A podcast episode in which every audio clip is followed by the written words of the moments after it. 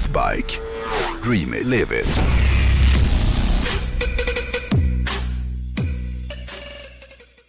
Eftersom jag har blivit fullkomligt nyförälskad i att köra motorcykel så känner jag att... Det har väl inte undgått någon? Nej, jag tror inte det. Men jag känner att jag, jag vill att så många som möjligt ska få, få uppleva det jag känner. Och jag vet ju dessutom att tjejerna och killarna som jobbar på Northbike, de känner ju exakt likadant. De är nästan besatta av att få folk att, att, att ha roligt. Ja. Eh, Och idag tänkte jag eh, därför tillsammans med, med Northbike komma med tre tips på hojar som, som jag och Northbike tycker är riktigt bra förstagångshojar. Ja. Eh, och det de alla har gemensamt är att de är så kallade A2-hojar, det vill säga att eh, det är hojar som du kan köra på lätt MC-körkort.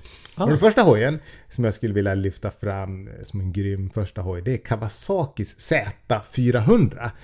Eh, och tidningen Cycle World, eh, de utnämnde den här hojen till den bästa lätta MCn både 2018 och 2019.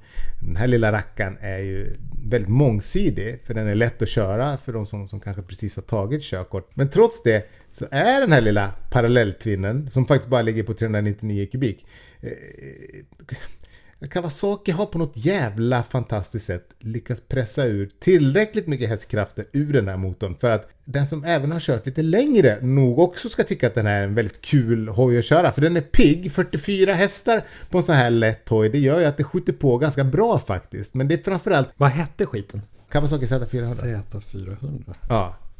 Men, men eh, förutom hästarna då, det som framförallt Boring hoj. Nu- Nu tycker jag inte du ska göra ner Northbikes segment här.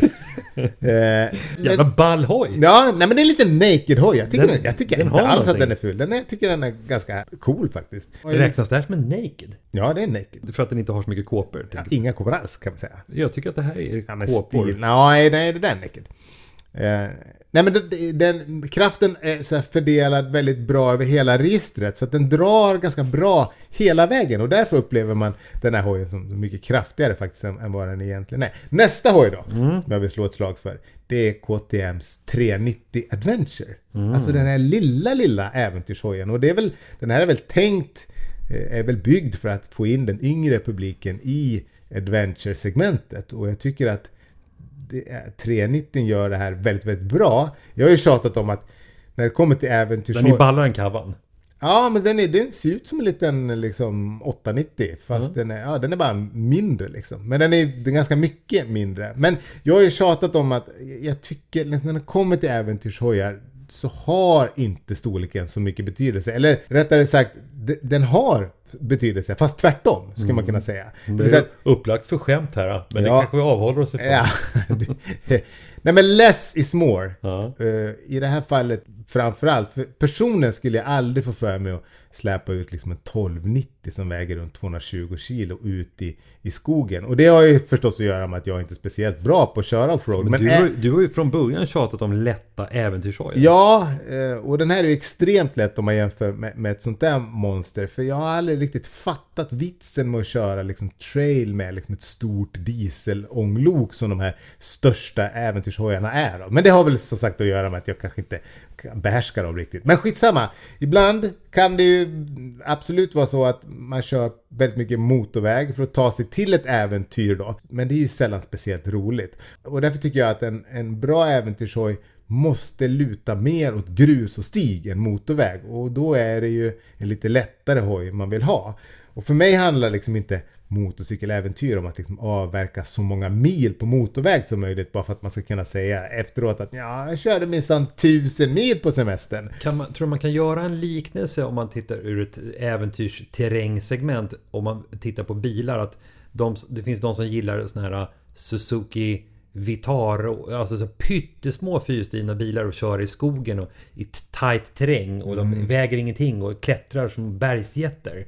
Och sen finns det sådana som kanske jag leviterar mer emot att här, det är roligare att köra en 4 tons eh, Hummer H1 som bara liksom krossar naturen Ja, fast runt sig. problemet är ju att liksom, i min värld så är ju liksom inte en 1250 Adventure eller 1290 Adventure.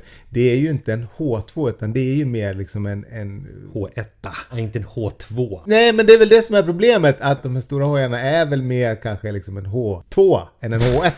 Förstår du vad jag menar? Ja, det blir de är ju, oerhört luddigt Nej men de är ju inte, de här största äventyrshojarna är ju inte så jävla bra när det blir liksom stig. Nej. Det, de är för stora och tunga. En H1 den kommer du fram med vad som helst. För den är ju liksom, men det gör ju inte de här jävla största äventyrshojarna. Nej.